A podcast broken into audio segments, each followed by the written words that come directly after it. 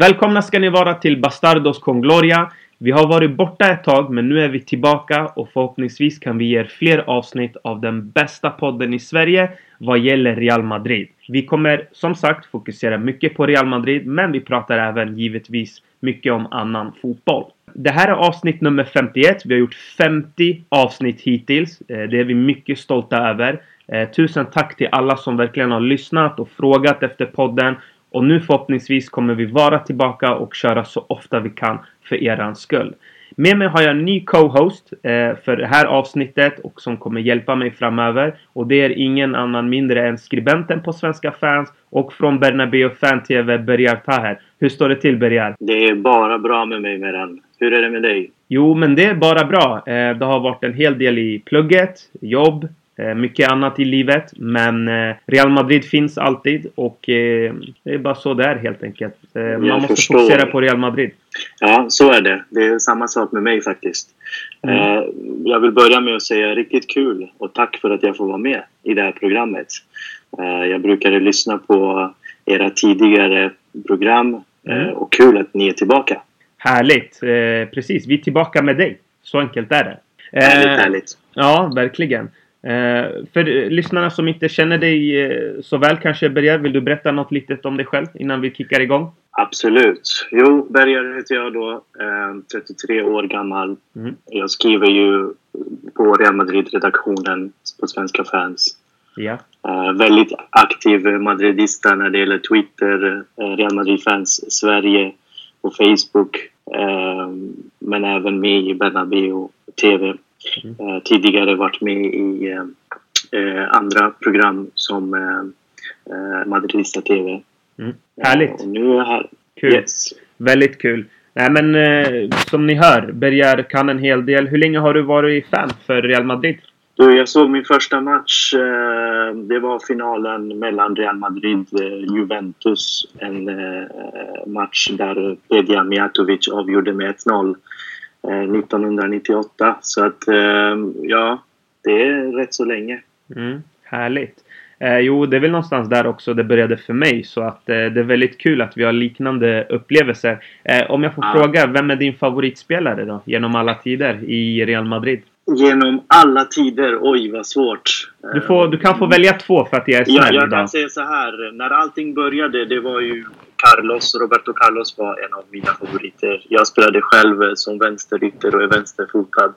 Så att jag imiterade hans eh, sätt att skjuta, hans sätt att spela. Eh, och eh, jag nämnde Real Madrid-Juventus-finalen. Det var den första match, helmatchen som jag såg, eller som jag kommer ihåg. Men eh, tidigare så vet jag också att jag följde eh, liksom Sportspegeln och alla de här eh, fotbollskväll där inter, internationell fotboll visades. Eh, och då var jag väldigt nyfiken på hur har det gått för Carlos, hur har det gått för Real Madrid och han Ja. spelar där och så. Mm. Eh, så att eh, han började jag med. Eh, Mm. Men eh, min absolut favorit var ju också Ronaldo, Luis Nazario de Liman. Så att när han väl kom också till Real Madrid då växte kärleken ytterligare ett steg. Eh, Så att eh, ja, jag har haft många favoriter. Men eh, om jag ska nämna det är de två brassarna. Härligt. Eh, Det, det var där det började. Eh, Sen har jag ju under åren, eh, eller med åren, har jag också växt eh, mycket kärlek för Raúl, för Casillas, för Ramos. eh, Cristiano också nu senast. Så att, eh, Mm. ja. Guti, en, en favorit också. Ja, du nämner mycket fina spelare. Du, jag tänkte vända lite på steken. Eh, Finns Mm. det någon spelare du har hatat eh, i Real Madrid? Jag vet att det är en, en ganska konstig fråga, för när man tänker efter. När en spelare representerar en klubb, i alla fall en klubb som Real Madrid. Då ska det ändå vara lite att ah, det här ska, det ska vara svårt att hata just den här spelaren. Eller hata är ju ett starkt ord, men någon man rent av utav sagt inte kanske gillar. Fanns det en sån spelare eller- har det funnits en sån spelare? Ja, det har det gjort. Eh, Det har nog funnits många sådana spelare som jag har eh, både tyckt inte tillhör eh, Real Madrid och inte borde vara där och av någon anledning hamnat där. Ehm, Jag tänker främst på Thomas Gravesen, jag tänker på Gabriel Heinze, eh, jag tänker på... Jag gillar inte Emerson som fotbollsspelare heller. Mm. Så att ja, det har funnits några som har hamnat i Real och spelat i Real. En del under en kortare period, andra under en längre period. Ja. Som jag absolut inte gillat. Intressant, intressant. Du nämner också Emerson. Var ju fantastisk i Roma och Juventus. Men sen var jag snabbare än till och med Emerson i Real Madrid. Jag hade vunnit ja. ett löptest mot honom. Det kan jag lova. ja, precis, precis. Uh, nej, men uh, sen har jag Jag funkar ju lite så att jag skapar ju alltid i och med att jag följer Real liksom match in, match ut, vecka in, vecka ut och sådär. Uh, så skapas det ju alltid en kärlek för många av spelarna som spelar i laget. Men en del så har, de som jag har svorit mest åt kan jag nog säga att det är, att det är de tre Eh, som jag kan komma på rakt av nu.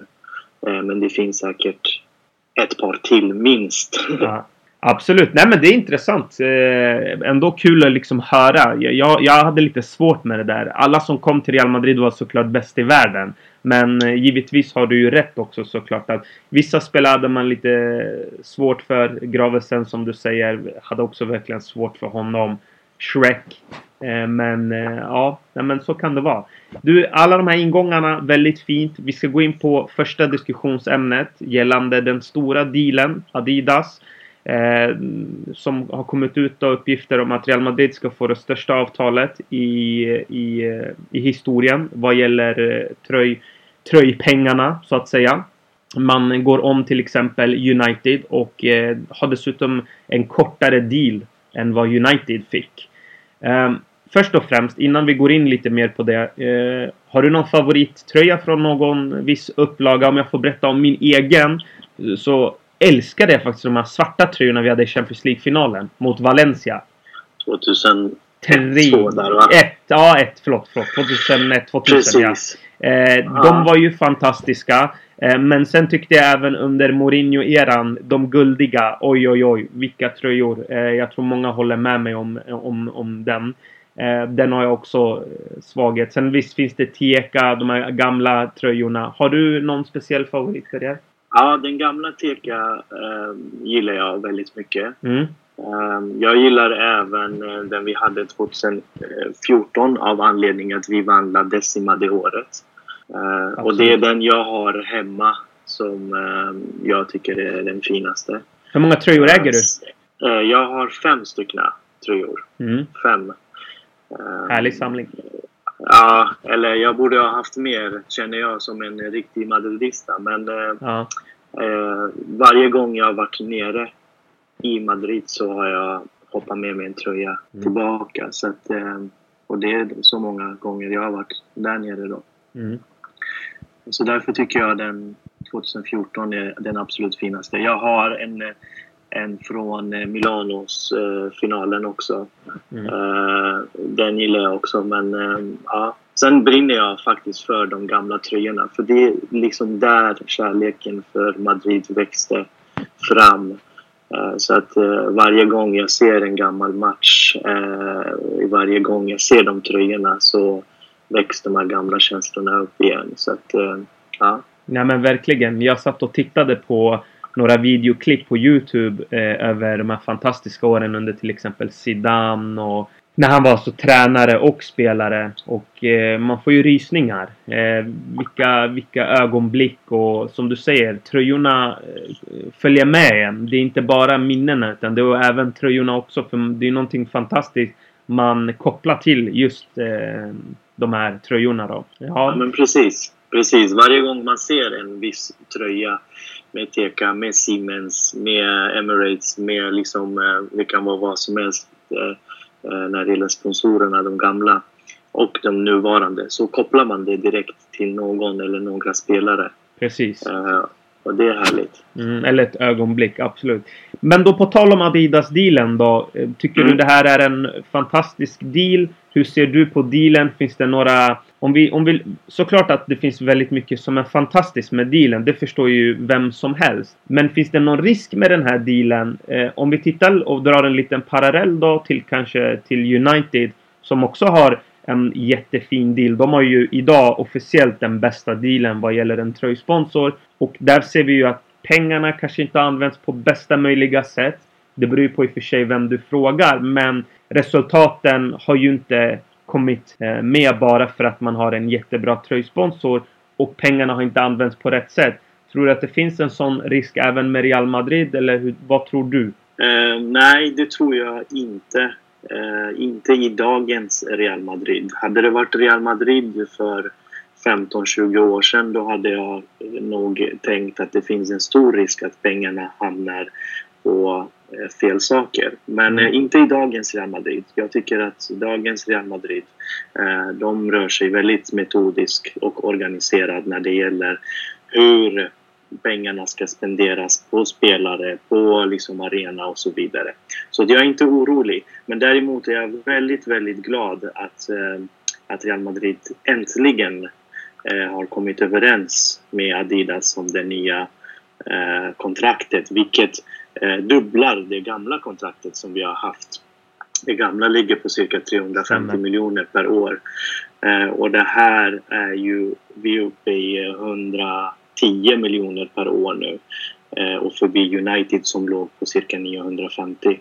Så att eh, jag är ja. väldigt glad. Jag kommer ihåg för ett par år sedan när eh, Eh, den tyska veckomagasinen Der Spiegel som skrev att Adidas eh, erbjuder ett nytt tioårskontrakt värt 100 miljoner euro. Eh, och då var inte Real Madrid överens och då blev man lite nyfiken på vad som gick snett. Och man trodde någonstans att det var fake news, liksom att ryktena bara var för att det var omöjligt att kunna liksom på ett enda avtal skriva ett kontrakt värt 11 miljarder kronor, vilket det blir nu i och med att kontraktet är över 10 år. Mm. Eh, så att eh, för Real Madrids del så eh, blir man kommersiellt starkare än någonsin. Jag tycker inte att vi ska vara oroliga för att pengarna ska användas fel.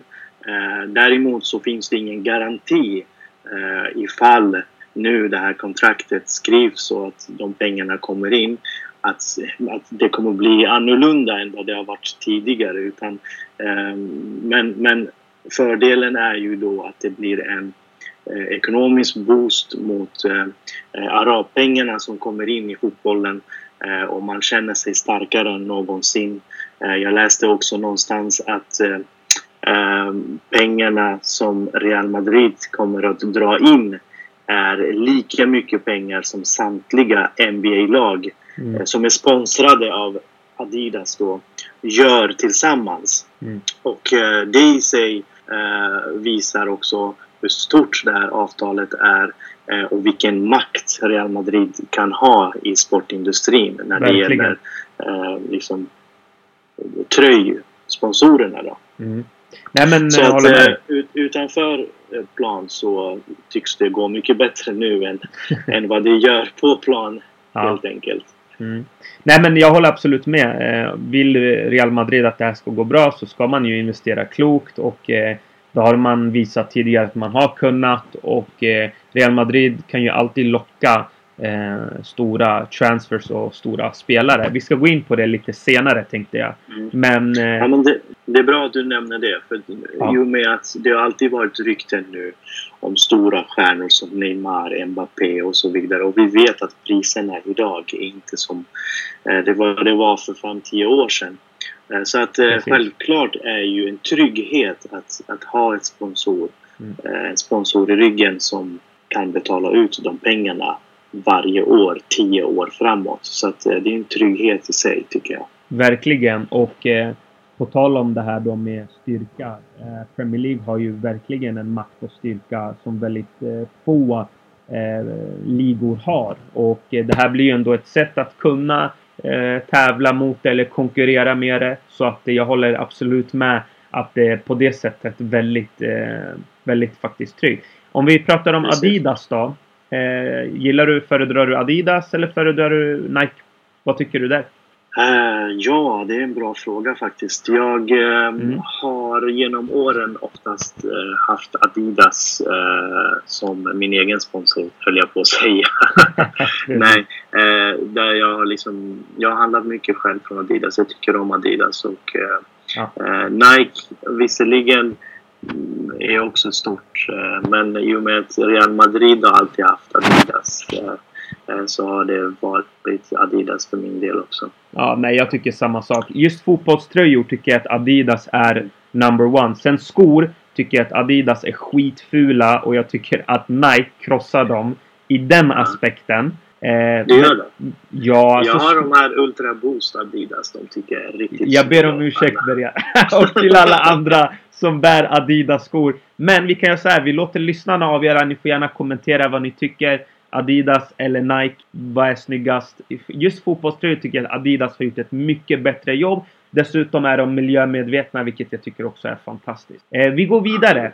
Eh, yes. En stor nyhet släpps eh, i och med att Asensio i en intervju med en spansk tidning eh, eller radio, Vamos, eh, säger att han bär inte ansvaret utan han tycker att det är spelarna som har status och som tjänar mer än honom och så vidare. Han tycker att de ska ha ansvar och där har ju såklart väckt eh, många eh, eh känslor hos arga madridista som menar att han inte är redo. Många tycker sig vara besvikna över det Asensio sa i den här intervjun. Eh, jag tänkte kolla med dig Bergar. Hur upplever du Asensios uttalande? Har det stört dig? Och eh, ja, vad, vad, känner du egentligen eh, kring eh, det han sa? Jag tycker att eh, det har varit lite mycket kritik åt hans håll, eh, vilket är förståeligt på ett vis, men jag vill ändå få en helhetsbild. Vad, vad känner du? Mm, det jag känner det är att eh, jag kan inte visa förståelse eller försvara eh, ett sådant uttalande så länge det inte är vinklat och tagits ur ett sammanhang. Mm. Eh, visst, kanske vädjar han till media att låta honom vara i fred.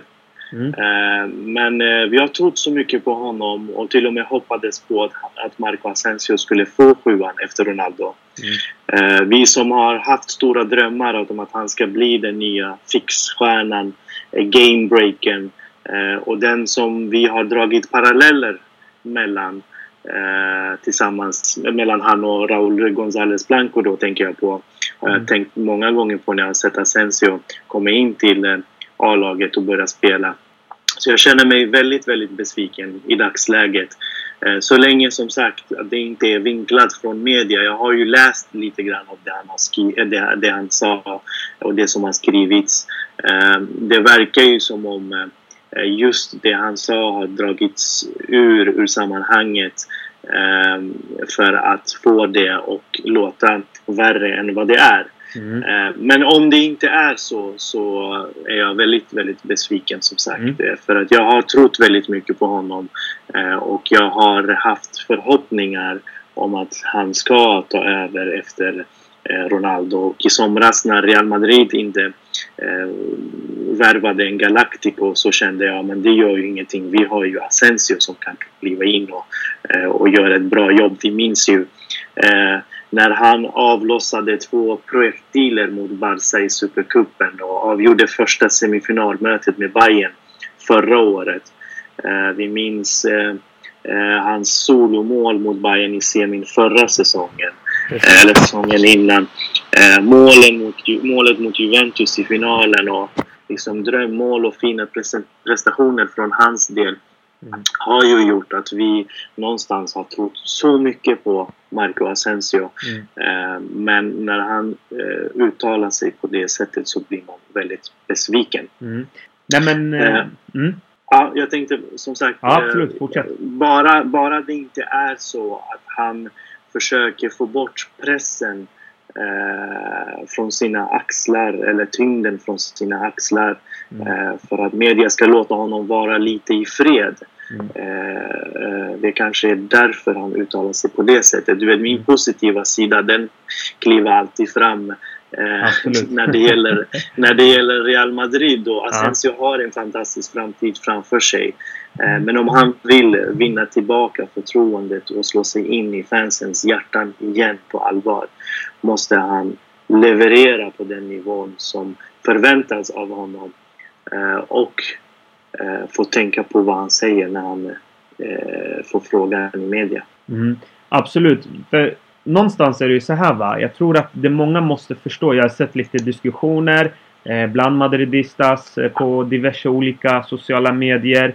Eh, och eh, många är ju väldigt arga på Asensio och jag håller ju såklart med. Man måste ju tänka på att eh, förväntningarna på Asensio var väldigt stora. Här såg man en spelare som har gjort mål i, en Champions League-final. Det får man inte glömma bort. Han har gjort mål mot. Barcelona. Han har spelat stora, stora matcher.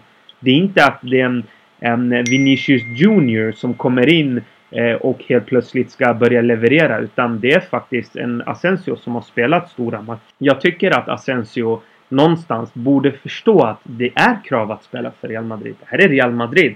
Media kommer alltid finnas där. De kommer alltid vinkla saker och ting. Här hade det kanske varit lite kyligare att säga jag har inte fått ut det bästa eh, av det jag kunnat men jag försöker alltid ta ansvar och eh, någonstans var ändå kunna vara politiskt korrekt. Och du och jag utanför den här podcasten hade ju en liten diskussion om det här. Eh, och eh, jag kom ju fram då med en konspirationsteori. Om att Asensio säger lite indirekt Varför klagar ni på mig? Ja. Men varför klagar ni på mig och inte på Bale? Till exempel en Bale som har varit helt okej. lite under isen ändå. Inte gjort sina bästa eh, matcher den här säsongen. Haft någon match där han har levererat eh, och varit på toppen. Kan, kan du förstå att det finns en liten...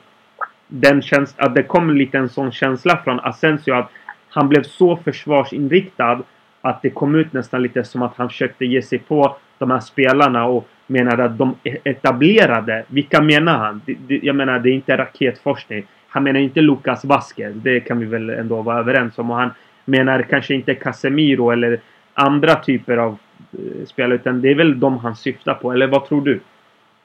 Ja, men det måste ju vara så. Och eh, Bale som du nämner är ju den spelaren som spelar på samma position som Marco Asensio. Så det, kan, det kan ju finnas en viss eh, sanning i liksom det du säger också.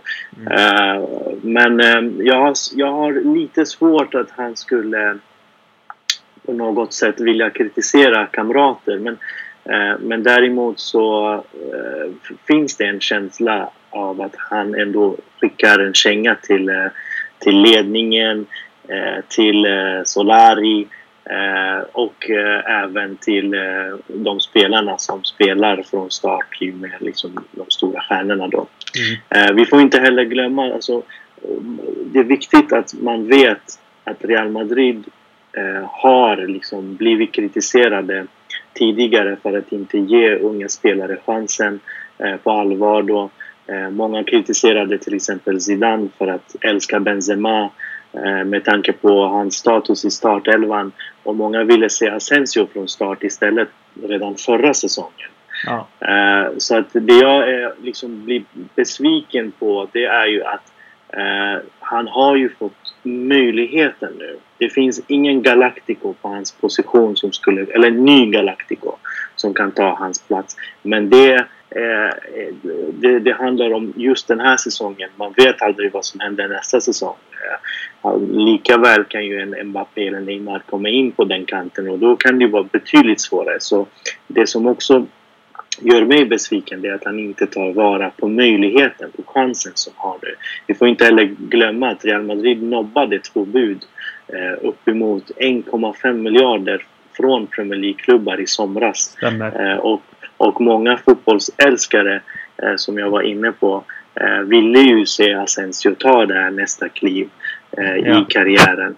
Eh, jag, jag tänker på också inledande av den här säsongen som har varit eh, så, så började han ju helt okej. Han fixade ju några straffar i, i kritiska lägen mot eh, Girona borta och var det Leganes hemma tror jag det var.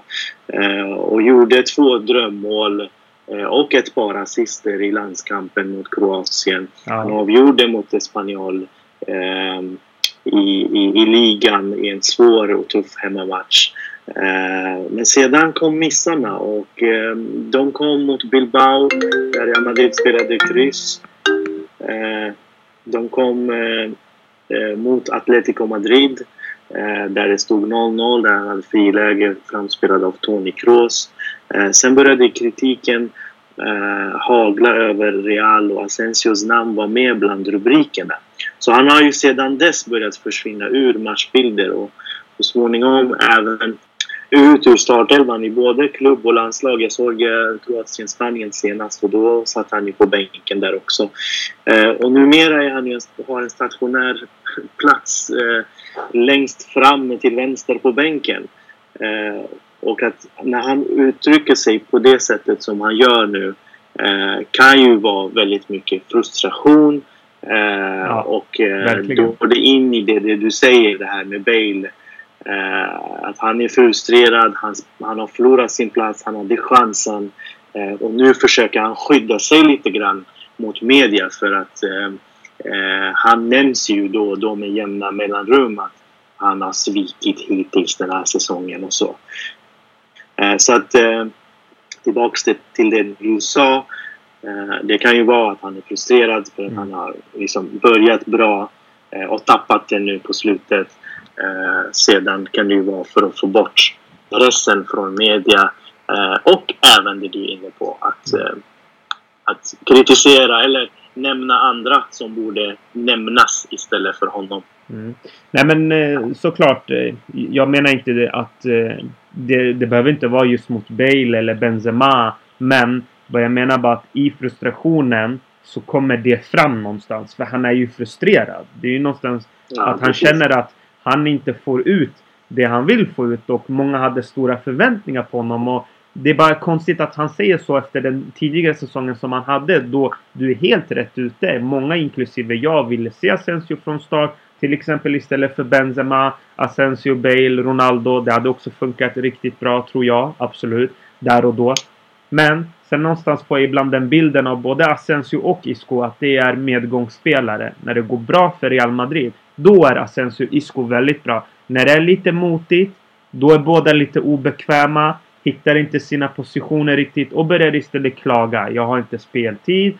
Jag spelar inte på rätt position och så vidare och så kommer ursäkt efter ursäkt efter ursäkt. Nu säger jag inte att nödvändigtvis att Asensio är en sån typ av spelare. Det kan vara så att han helt plötsligt får den utväxlingen vi tror på. Jag dömer inte ut honom men just nu så känns det som att Asensio är en medgångsspelare. Han är inte redo än.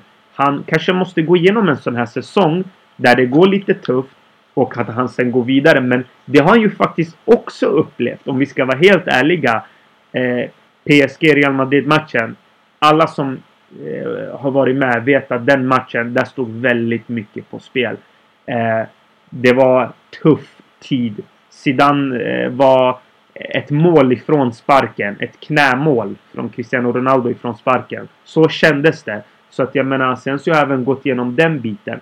Men vi får se vad han gör resten av säsongen. För man vill ju se eh, honom lyckas. Som du säger, han påminner om Raúl. Han påminner om, om Cristiano på, på ett visst sätt. Alltså han, han har ju olikt Isco så är han inte beroende av att vara tekniskt skicklig. Han är ju snabb, går i djupled, har bra skott. Så han har ett större eh, arsenal av vapen, så att säga. Eh, och det är någonstans det man vill se. Jag tror det är det som det eh, faller på. Att många älskar Asensio så mycket att man inte förväntade sig det uttalandet från just honom. Hade det kommit från en Vinicius hade man eh, kunnat ändå smälta det mer. Eller till exempel en Reguilón eller Xavi Sanchez. Men där är inte Asensio och det är kanske det han måste bara inse. Kort och gott. Ja, helt, helt rätt eh, det du är inne på. Han har ju, det är ju just det också. Han besitter ju så mycket eh, liksom, eh, positiva och offensiva egenskaper. Så att eh, ja. man vill ju gärna att han ska lyckas. Eh, sen får vi också nämna att om vi kollar hans uttalande mm. och hans situation just nu så kan vi också dra en parallell där. För vi vet ju också att Santiago Solari har bänkat Asensio av två skäl. Han har gett honom liksom jag vet, jag, han, han fick starta i, i cupmatchen kommer jag ihåg eh, mot eh, Melia. Eh, precis Melia. i första matchen. Mm. Sedan dess har han väl bänkat. Eh, och de två skälen tänker jag på. Det första är ju att han inte är i sin bästa form. Eh, det är därför han får sitta på bänken. Och för det andra så tror jag att Solari vill få bort trycket från media på Marco Asensio. För många har ju förväntat sig att han ska in och leverera.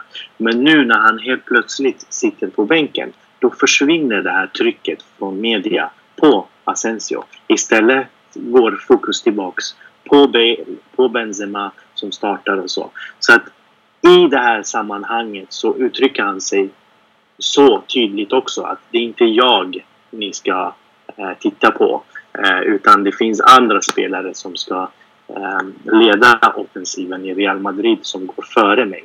Eh, så att jag ser en liksom röd tråd mellan allt det här som händer nu. Ja. Eh, Solari bänkar honom för att få bort trycket. Han själv eh, nämner det i media vilket gör att det kanske blir lite lugn och ro kring Marco Asensio och får han lite lugn och ro som du var inne på Paris-matchen. Ja, det var ju mycket press på Real Madrid men hela förra säsongen det var aldrig någon press på Asensio. Allting låg på Benzema, allting låg på Ronaldo. Mm. Den här säsongen är inte Ronaldo kvar längre och i och med att Asensio startade i princip varenda match under Lopetegi i början så blev det normalt att okej, okay, nu är det han som ska leda eh, den här offensiven. Och när han inte klarar det helt och hållet, som du var inne på, när det är motgångar, så måste han ha lite lugn och ro. Har vi haft för stora han, förväntningar på honom? Ja, det, det, kan ju vara så att vi har haft det eh, innan. I och med att han har kommit in i stora matcher, har inte haft någon press. Han har inte haft någon press att komma in och göra mål i en Champions League-final. Han har inte haft press att komma in och göra mål i en semifinal. Utan han har fått hoppa in i ett lag där Ronaldo, där Benzema, där Ramos, där Modric, de andra har haft pressen på sina axlar. Så han har fått jobba lite i lugn och ro. Han har inte haft någon press på att avgöra El Clasico i Supercupen. Utan han har kommit in och gjort det på sitt sätt. Eh, och eh, nu ligger ju pressen på honom i och med att han startade eh, under Julian Lopetegi. Eh, och eh, det Solari försöker göra nu det är att få bort honom ur startelvan ett tag, få bort pressen så att han kan så småningom eh, hitta tillbaka till sitt rätta. Mm. Vi går vidare eh, med det sagt. Du nämner Solari. Vi ska ju prata om Santiago Solari. The man with the smile. Ni som lyssnar, ni vet vad jag pratar om. Mr Right Man at the right time skulle jag säga. Precis. Eh, och eh, ja, han är ju som sagt... Eh, jag tycker att Solari var fantastisk. Och han fyllde alltid sin funktion i Real Madrid. Var inte den bästa på allting, men hade alltid hjärtat på rätt plats. Eh, om vi följer Solaris karriär. Eh, inte gått så bra i Castilla tills den här säsongen då. Då började saker och ting hända. Man såg lite mer eh, I det taktiska har man sett en utveckling från tidigare säsonger. Han har faktiskt haft rent utav sagt katastrofala resultat faktiskt i Castilla. Men vi alla vet ju att Castilla betyder ingenting. Zinedine Zidane, han bröt all logik även där. Zidane var inte heller den Alltså, eh, han hade inte ett rekord i Castilla av krossningar. Han gjorde det helt okej, okay, men inte wow. Vi, vi, hade inte förväntat oss tre Champions League-titlar. Det tror jag ingen gjorde. Men så får Solari jobbet. Han börjar som interimtränare. Kontraktet eh, 2021. Vad säger du? Vad är dina känslor? Är det rätt val? Eh, Solari har ju stått för en historiskt bra inledning Mm. Eh, och det är absolut eh, rätt val enligt mig. Eh, nu i efterhand. Jag var också lite skakig och orolig och, och kände att vi behöver en ordentlig tränare efter Lopetegi. Så att, ja, och som du var inne på, han har ju haft sin tid i Castilla. Men jag kan ändå säga så här, resultaten har gått emot honom. Men däremot har han bidragit till utvecklandet av många fina Eh, fotbollsspelare. Eh, vi kan nämna till exempel eh, Mario Hermoso som är i Espanyol nu som eh, nyligen blev uttagen till eh, landslaget under Luis Enrique. Eh, han har ju Solari eh, Solari har ju haft honom som mittback i Castilla och varit en del i hans utveckling. Uh, vi tänker på Hakimi, vi tänk, jag tänker på Oscar som är i Leganes. Jag tänker på Javi Sanchez som nu har kommit upp till eh, A-laget, eh, Federico Valverde, Reguilon. Eh, så det är många spelare som eh, Solari har haft eh, under de här senaste åren som har, haft, som har fått en fin utveckling och formkurvan på de flesta har pekat uppåt. Vi får inte heller glömma att var spelade Vinicius för ett par månader sedan nu? Jo, det var under Solari i Castilla och han gjorde det bra. Så att han är bra på att få fram eh, det bästa hos de här unga spelarna. Eh, så att eh, det är en fördel i och med att vår värvningsstrategi på senare år har blivit att vi blandar eh, stjärnor med unga spelare så tycker jag att där är ju Solari handen, eh, handen, som är handen i handsken också. Eh, I och med att vi vill blanda erfarenhet med ungdom och han har erfarenheten av sin tid i Galacticos med hur han ska hantera de här superstjärnorna eh, och han har erfarenhet av hur han ska hantera de här ungdomarna i och med sin tid i Castilla. Mm. Så att för min del är det rätt val av det jag har sett eh, under de här senaste fyra matcherna, vilket var historiskt eh, eh bra inledning. Eh, jag tror att det är Pellegrini senast som har vunnit fyra raka mm. Eh, inledande matcher. Ja. så att jag är nöjd. Ja. Jag ser fram emot Solaris tid i Real Madrid. Åtminstone den här säsongen ut.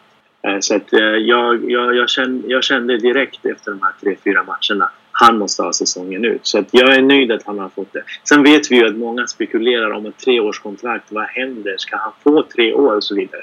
Real Madrid skrev tre år med Benitez också. De skrev tre år med Lopetegi också. Så att det betyder ju ingenting. Gör han inte jobbet Nej. så vet vi ju vart han hamnar. Eh, sen tycker jag att eh, som sagt valet av Solari Eh, ja. I och med att du också var inne på att Castilla har inte gått bra. Men han har ändå fått chansen av ledningen hela tiden. Och det tyder ju på att ledningen har ett stort förtroende för honom. Och det är en styrka i sig också. Om du har ledningen bakom dig, eh, då vet du att du kan jobba i lugn och ro. Du vet hur du ska hantera eh, de här superstjärnorna eh, och du vet hur du ska hantera de här ungdomarna där, du, där han själv i princip har haft dem i Castilla. Verkligen. Så att, eh, så att eh, ja, ju ja. mer jag tänker på det desto mer faller Solari under den här kategorin av tränare som passar in i Real Madrid. Där över honom kan jag hitta karaktärer som Zidane, som Carlo Ancelotti, som eh, Vicente del Bosque. Ja. Eh, där är tränarna som prioriterar gruppdynamiken och, eh, och har ett avslappnat tillvägagångssätt för att ledningen, eh, för, för ledningen Uh, och, och, och, de, och de tenderar att lyckas i Real Madrid på något sätt. Jag, jag, jag vet inte riktigt vad det är, men, men, men, det, men det blir så. Jag känner ju också någonstans att det som är fördelen för Solari, det är också att han har ju ingenting att förlora. Han har verkligen ingenting att förlora. Tycker jag i alla fall. Eh, det, det, är inte så mycket förväntningar på honom. Nummer ett, som du säger. Det finns ett lugn och ro runt om honom. Hade man till exempel nu valt att ta in en Pochettino eller en Conte.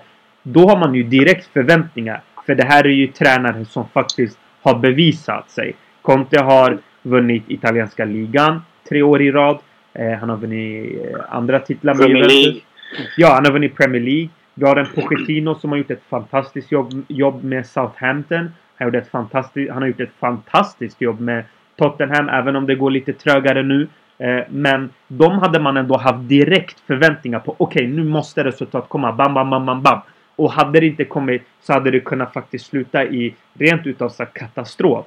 Nu tycker jag att ändå Solari kommer in. Visst, han har också alltid, man har alltid förväntningar på sig i Real Madrid. Jag vet. Men han kommer tycka in ändå med att han har ingenting att förlora. Han har allting att vinna och han har ju börjat hur bra som helst, gör de rätta besluten. Lite pragmatiskt men eh, som du säger vilar mycket på det här eh, det ska, det ska finnas en bra harmoni, bra relation till spelarna. Och så känner han ju ynglingarna. Jag menar kolla bara Reguilon. Hur bra har inte han varit? Eller Xavi mm. Sanchez. De har kommit in och gjort fantastiskt jobb båda två. Och så klarade han av det faktiskt ett, ett ganska, tycker jag, ett svårt motstånd i Celta Vigo. Celta Vigo som är under Zidane med Cristiano Ronaldo förlorade på Balaidos.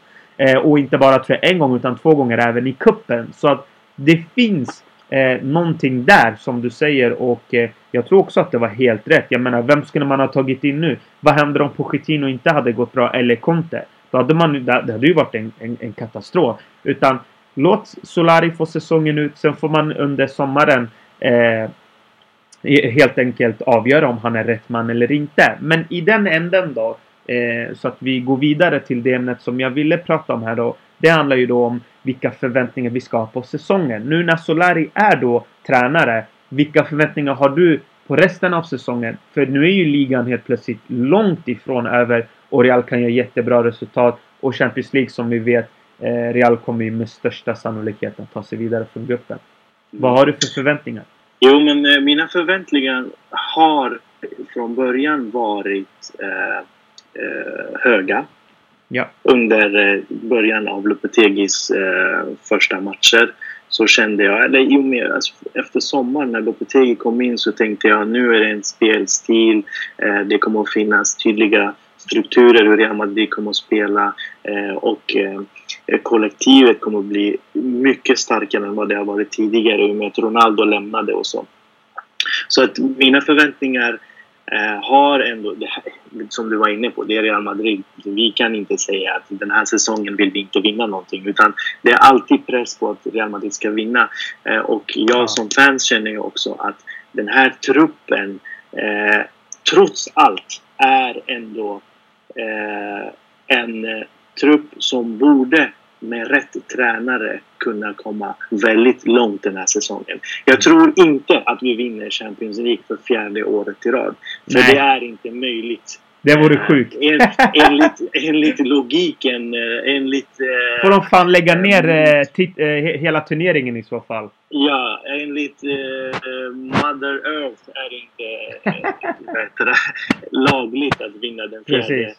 Eh, Champions League-titeln. Men däremot Nej. så känner jag ändå att vi kan eh, plocka hem antingen La Liga eller Copa del Rey utan eh, utan problem skulle jag säga nu med Solari för att jag känner att att, Absolut. att kunna hantera omklädningsrummet är ibland viktigare än taktiskt kunnande. Eh, och jag tror att Solari förstår vikten av att ha en, eh, eh, att ha en, en trupp Eh, som han representerar. Han, han erkänner att det måste finnas respekt för hierarkierna i ett omklädningsrum och får han fram liksom eh, Ramos bästa sida, får han fram Modric bästa sida, får han fram Benzema, vilket han har gjort nu, eh, så tror jag ändå att vi kan gå långt eh, den här säsongen. Och jag hoppas ju såklart på en ligatitel. Eh, och Solari är en man som kan spansk fotboll. Eh, han kan eh, Real Madrid. Eh, och eh, ja, förväntningarna har nu liksom stegrat upp ytterligare ett steg och jag, jag tror på, på Real Madrid så mycket nu efter att Solari har fått eh, den möjligheten. Mm. Eh, Jag tror...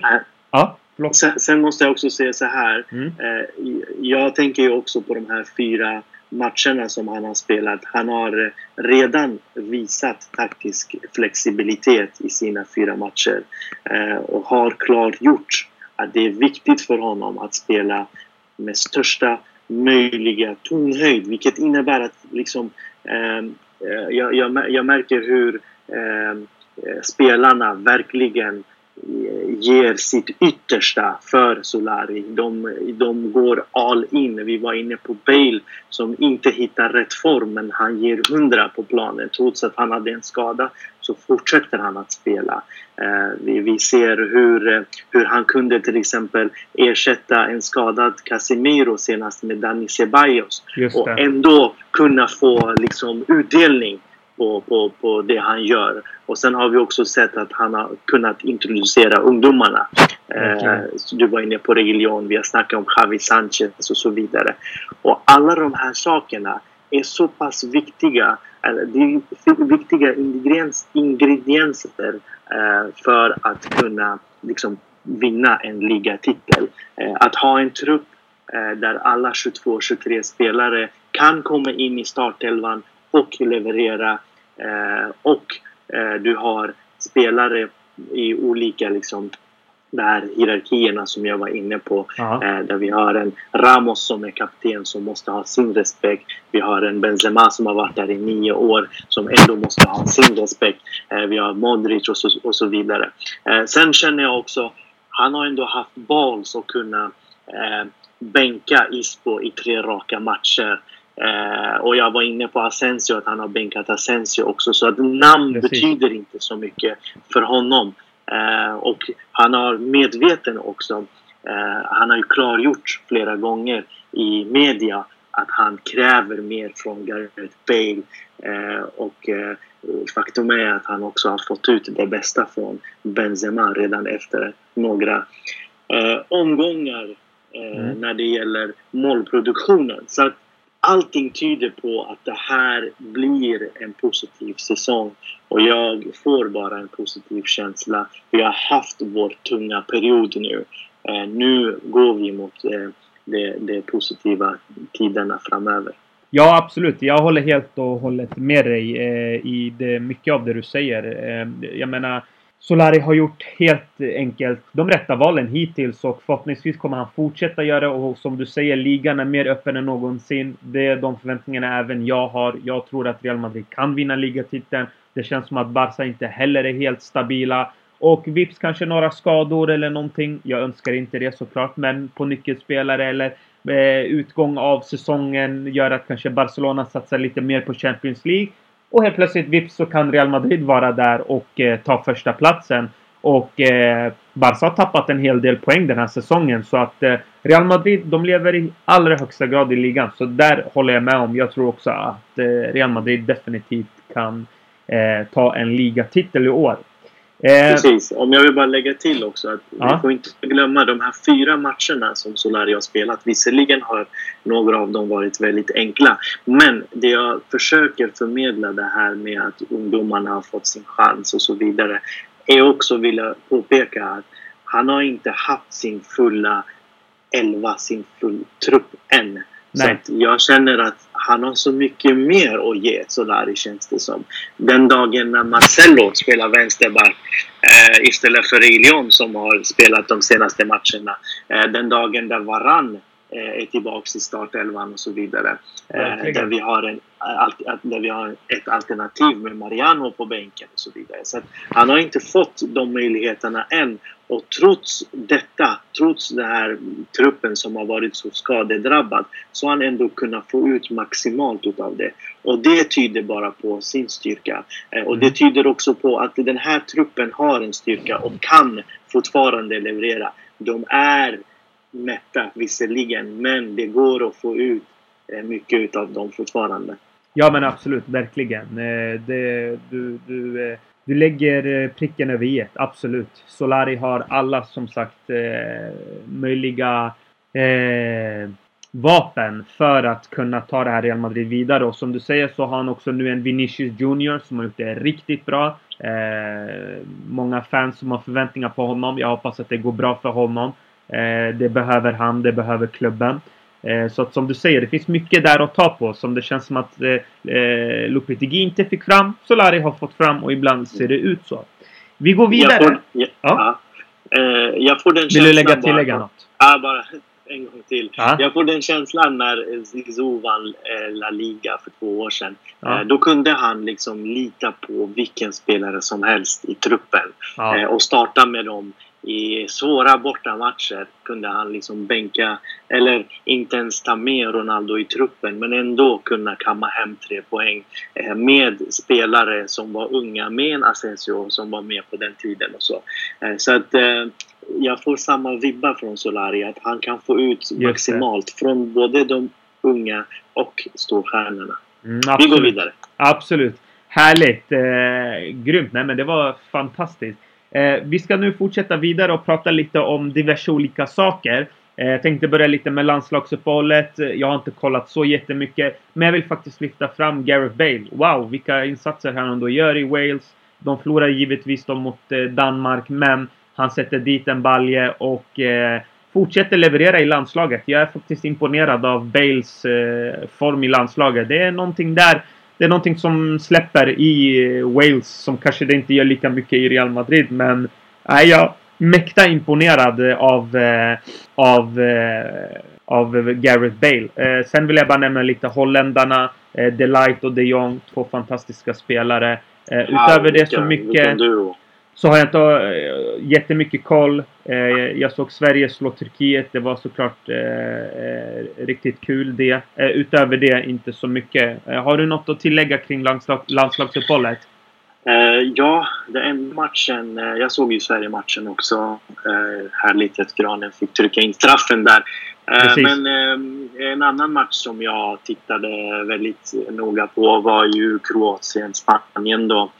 Eh, en viktig match där Kroatien behövde vinna. Mm. Uh, och uh, en viktig match också för Spanien att hitta tillbaka till vinnarspåret efter förlusten mot England. och det, de spelarna som jag tittar mest på är ju självklart Madrid-spelarna. det var ju Ramos som var då mittback. jag såg Ceballos och Isco på mitten. Ja. Jag hade Luka Modric, Kroatien och så det jag vill nämna var vilken fantastisk match eh, Dani Ceballos gjorde. Eh, han var på Luka Modric visserligen många gånger. Ja. Eh, lite tufft och lite fult och lite liksom eh, över gränsen sådär så man blev lite eh, chockad av att, av att se två lagkamrater spela Men det är det som är skönt med Ceballos. Han bara går in. Han skiter i. Han struntade i totalt. Ja. Han till och med liksom hamnade i någon tjafs med Modric. Eh, och sen, eh, senare så tänkte jag ändå att eh, fan vad skönt för det här tyder ju på vilken konkurrens det är i Real Madrid på mittfältet. Mm. De här spelarna, de går inte dit och klappar varandra eh, på axeln och eh, eh liksom eh, ger varandra tid och möjlighet att kunna vända med bollen utan de går in helt hundra. Det gjorde Modric också på eh, Dani Ceballos efteråt. Så att eh, det, var, det var en skön känsla och eh, Ramos gjorde ju mål. Han gjorde sitt eh, eh fjärde... Han gjorde mål och, och med det målet så gjorde han sitt fjärde mål. Han, han gjorde mål för fjärde landskampen i rad Så, ja. som försvarare. Ja. Eh, vilket eh, är för mig det är helt otroligt. Och han är, jag tror han är uppe på 100 mål nu som, som försvarare. Ja. Eh, Ceballos gjorde själv mål i matchen också. Eh, Luka Modric stod för en eh, fantastisk assist eh, till till ett av målen ja. och spelade riktigt bra. Så att, mm. det var en skön match att se i och med att det var så många eh, madridistas som var eh, inblandade. Jag ska också lägga till att eh, Ceballos mål eh, gjordes efter en framspelning av eh, Isco Alarcon. Så att, eh, det kom ju också en poäng från Isco i den här matchen. Så det var spännande, det var kul och det var, och det var en bra match som slutade 3-2 till Kroatien. Härligt! Eh, där hade ni ett litet recap av eh, ett landslagsuppehåll. Eh, vi, vi, vi har ju som bekant inte sett så jättemånga matcher men vi vill ju såklart lyfta fram det Madrid-spelarna gör och det är alltid kul när de levererar i landslaget. Det förhoppningsvis kan ge självförtroende i sedan klubblaget. Du Bergar, om du inte hade mer att tillägga så tänkte jag att vi avslutar faktiskt här. Nej, absolut inte. Nej. Mer än att tack för att jag fick vara med Tack för att du var med. Jag ser fram emot uh, ytterligare uh, ett avsnitt mm. uh, nästa vecka. Verkligen. Vi kommer tillbaka som alltid.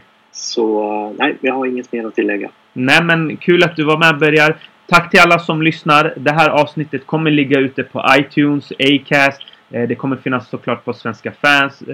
Och det är bara trycka, lyssna, dela, gilla, kommentera. Vi tar gärna emot feedback mot allt det ni säger. Vi kan ta upp ämnen som ni tycker att vi ska ta upp. Så kan ni bara kontakta mig eller Bergar. Ni har våra mail på redaktionens hemsida. Eh, annars är det bara skriva till oss på olika sociala medier. Där hittar ni oss definitivt. Tack för att ni lyssnar. Som sagt återigen, Bastardos är tillbaka. Vi hörs och ses nästa vecka. Adios mina vänner. Adios.